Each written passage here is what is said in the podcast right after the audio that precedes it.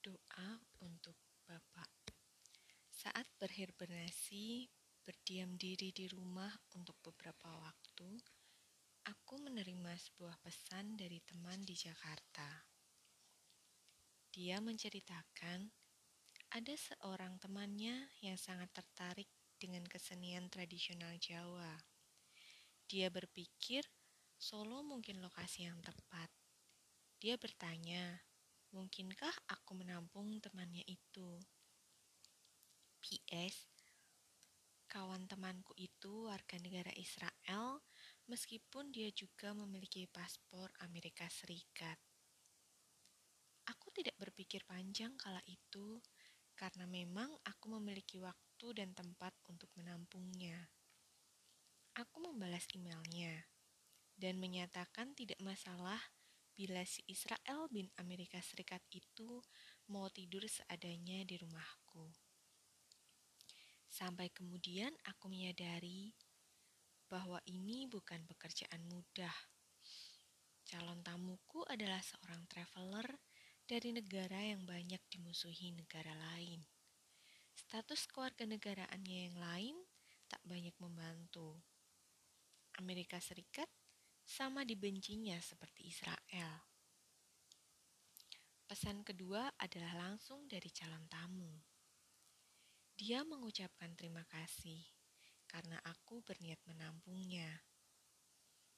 Namun, di bagian akhir, dia masih juga tidak yakin aku mau menerimanya. How are you? From Ariel to Ari. I got your name I got your name from my friend, and he said you may have a coach available in Solo for a few days. I'll be on train to your area tomorrow night. Any change? you'll be in hosting mood? I must warn you, if he hasn't already, that I am jealous, and if that is a problem to you or your family, let me know. I'm very interested in the Javanese traditional music. If you know any performances that might be on this week, I'm very eager to know. Hoping to see you in Solo, Ariel. Ariel adalah Yahudi. Saat mengetahui itu, berkelebat banyak hal di benakku. Holocaust, genosida sistematis yang dilakukan oleh Nazi terhadap berbagai etnis pada Perang Dunia II, utamanya terhadap Yahudi yang disebut sebagai the final solution of the Jewish question. Sebuah kengerian saat para Yahudi masuk ke dalam camp konsentrasi, direnggut nyawanya dengan berbagai cara, ditembak, disiksa, masuk kamar gas beracun aku teringat kengerian film Sanders List. Bagaimana bila Ariel hidup di zaman itu? Apakah dia akan berakhir di kamar gas? Banyak pro kontra tentang kebenaran sejarahnya. Tetapi di benakku, seperti itulah yang aku tahu, entah benar atau tidak. Lagi-lagi terbukti betapa kuatnya penetrasi Hollywood dalam hidupku. Hari itu, aku akan menjemput seorang Yahudi. Sejak menjemputnya di stasiun balapan Solo setelah turun dari kereta api senja utama dari Jakarta, bule kecil pendek ini selalu menyanyikan lagu-lagu Peter Pan. Ada apa denganmu? I am Ariel Peter Pan, kata dia lalu melanjutkan bersenandung. Ariel bonceng sepeda motor untuk pulang ke rumah. Sepanjang perjalanan, tidak ada yang berbeda. Beberapa orang memang melirik Ariel, tetapi bukan karena dia Yahudi, karena memang tidak ada stempel Yahudi di dahinya. Pandangan itu lebih karena dia berkulit putih, bule, dan orang Jawa selalu menyebutnya londo yang artinya sebenarnya adalah orang dari negeri Belanda.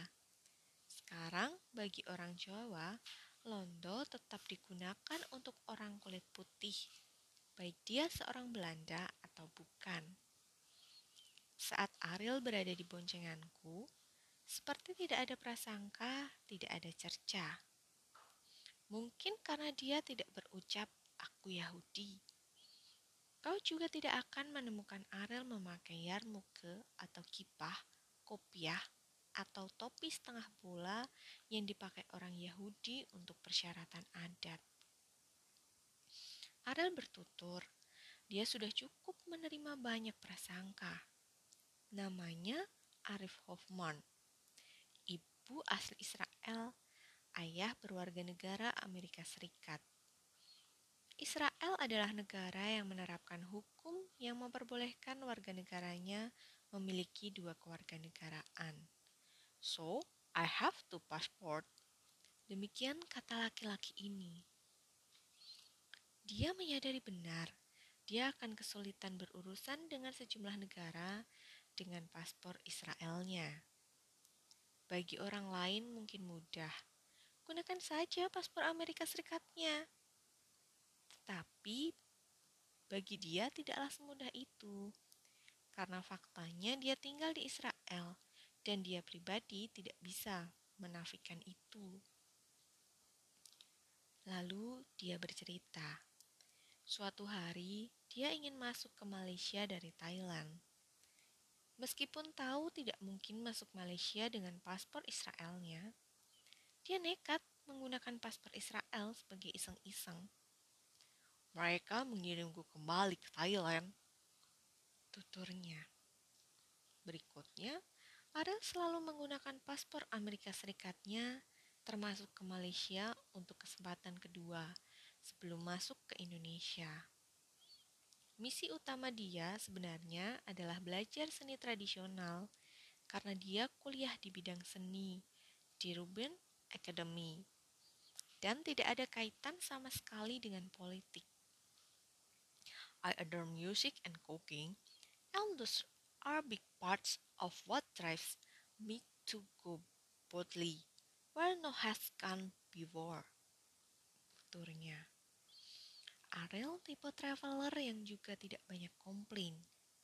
Dia tinggal di rumahku dengan segala keterbatasan. Kami sekeluarga ngakak saat menemukannya tengah mendirikan tenda di kamar kakakku yang disediakan untuknya. Aku benci nyamuk, tapi tidak ada ruang bebas nyamuk di Indonesia. Ujarnya. Bagiku, itu tidak terkesan sebagai keluhan. Dia dari awal menangkap kekhawatiranku dan bilang aku harus ke Israel suatu saat dan melihat bagaimana kondisi kamar dia. Seperti kapal pecah, lebih berantakan daripada rumahku. Kalimat itu cukup menenangkan. Aku sudah memperingatkan soal keluarga negaraannya. Bila ditanya orang, bilang saja dari salah satu negara di Eropa tetapi dia menolak. Aku tidak mau berbohong. Aku lalu mengusulkan, "Oke, okay, paling aman adalah mengatakan bahwa kau warga negara Amerika Serikat. Setidaknya tidak akan separah bila berbicara soal Israel." Kalimatku tidak mampu mengubah pandangannya. Suatu hari, Aku bangun dengan selembar kertas kecil di samping bantal. Pesan dari Ariel bahwa dia pergi sendiri menuju sekolah menengah karawitan Indonesia, Solus untuk melihat latihan tari dan gamelan. Dia akan pulang sebelum pukul satu. Aku tidak yakin apakah dia menuliskan angka satu atau tujuh, karena di ujung atas angka itu seperti ada coretan. Awalnya, aku cukup santai menanggapinya. Berikutnya, aku cukup gugut saat menyadarinya. Yang aku tahu, Harel tidak tahu di mana SMKI, tidak tahu cara ke sana, serta tidak membawa handphone. Hanya selembar peta yang dia bawa. Dan bahkan malam sebelumnya, kami tidak berdiskusi soal bagaimana cara menuju SMKI. Aku akan memastikan dulu Ariel sudah berada di rumah pada pukul 13.00 WIB. Bila benar dia menulis angka satu di catatan itu. Sialnya, Ariel tidak membawa handphone. Untungnya sejak dia datang, aku sudah menuliskan nomor handphoneku untuknya. Pukul 13.00 WIB. Aku berharap dia menelponku, tetapi itu tidak terjadi. Aku lalu menuju mencoba menuju SMKI, bertanya kepada orang sekitar. Penjaga keamanan menyatakan ada seorang bule dengan ciri-ciri sama dengan yang aku gambarkan datang ke sana pagi-pagi. Namun sekarang sudah pergi. Ketakutanku hanya satu, dia tersesat. Mengingat dia tidak tahu sama sekali soal Solo. Dan aku masih bertanya-tanya, bagaimana cara dia menuju SMKI yang jaraknya dari rumahku kurang lebih 7 km. Pukul 19.00 WIB, Ariel juga belum sampai di rumah. Aku sudah berpikir dia tersesat karena dia tidak tahu alamat rumahku. Hingga pukul 21 WIB, aku tidak mengetahui di mana keberadaan Ariel. Kalau hilang dan terjadi sesuatu, bisa-bisa jadi berita nasional dan bakalan ribet urusannya. Pukul 24.00 saat aku menyerah mencari, aku pulang ke rumah. Aku tidak menemukan sosoknya. Yang kutemukan hanya adikku yang tersenyum lebar. Dia baru saja datang, sekarang lagi mandi. Kalimat adikku itu serempak dengan kelegaan yang mengguyurku. Akhirnya si bule hilang ketemu juga. Selepas dia mandi, aku marahi Ariel karena tidak menurut kata-kataku. Tetapi Kemarahanku mereda begitu mendengar ceritanya. Dia dari SMKI jalan kaki menuju Institut Seni Indonesia yang berjarak 2 km. Dia minta maaf telah merepotkan. Tetapi dia mengaku sudah berusaha SMS ke aku dengan handphone pinjam ke orang. Tetapi tidak tahu kenapa tidak terkirim dan dia berjalan pulang ke rumah dengan mereka-reka rute, mengingat-ingat bangunan dalam jarak 7 km dari kampus isi ke rumahku saat malam telah larut. Satu kali seseorang dengan sepeda motor berhenti mendekatinya, menawarkan bantuan, tetapi dia takut karena dia trauma. Sebelumnya siang hari saat keluar rumah, dia bertemu seseorang juga. Aku menolak tawarannya untuk mengantarku karena aku takut siang sebelumnya aku bertemu seseorang. Dia menghentikanku di pinggir jalan, lalu dia mulai bertanya dari mana aku berasal. Awalnya biasa saja, tetapi kemudian kalimatnya meninggi. Aku menyadari dia mengenakan kaos bergambar bendera Israel dan Amerika Serikat yang disilang dengan dua buah pedang. Aku pikir aku akan mati satu juga. Lalu aku, entah mendapatkan ide dari mana, aku pura-pura tidak mengerti apa yang dia katakan. Meskipun dia berulang-ulang bertanya, aku cuma, "Hah? Eh, eh," tuturnya. Aku terkejut dengan cerita itu. Apa yang aku peringatkan terbukti. Tetapi dia memang keras kepala. Lalu dia kesal dan meninggalkanku. Well, setidaknya aku tidak berbohong soal status warga negaraku, meskipun aku juga tidak jujur mengatakannya. Untung dia menggunakan kaos itu, sehingga aku tahu harus bertindak apa. Ariel tersenyum, sementara aku masih merasa ngeri membayangkannya. Bagiku, itu bukan sebuah tindakan tidak bertanggung jawab, karena aku sudah memperingatkan akan risiko yang dia hadapi. Bagaimana kalau sesuatu yang buruk menimpanya? Ah, sudahlah. Aku lega dia selamat sampai rumah. tidak akan lagi tersesat untuk esok harinya. Aku akan mengantarkanmu ke mana kamu pergi, putusku. Bersamaan dengan keberadaan Ariel di rumahku adalah peringatan 100 hari meninggalnya bapakku. Kami sekeluarga mengundang tetangga dan kerabat untuk menggelar pengajian. Ariel memaksa ikut menyumbangkan uang untuk membeli makanan demi keperluan itu. Kami sekeluarga menerimanya karena kami ingin Ariel merasa memiliki peran dalam acara ini. Akhirnya, dia mendapat jatah membeli buah-buahan. Saat pengajian digelar, dia membaur dengan saudara, kerabat, dan tetangga. Beberapa tetangga sudah mengenal Ariel karena dia ikut bergabung beberapa kali di kelompok karawitan di kampungku. Beberapa tetangga tidak mengenalnya. Heran ada bule di rumahku.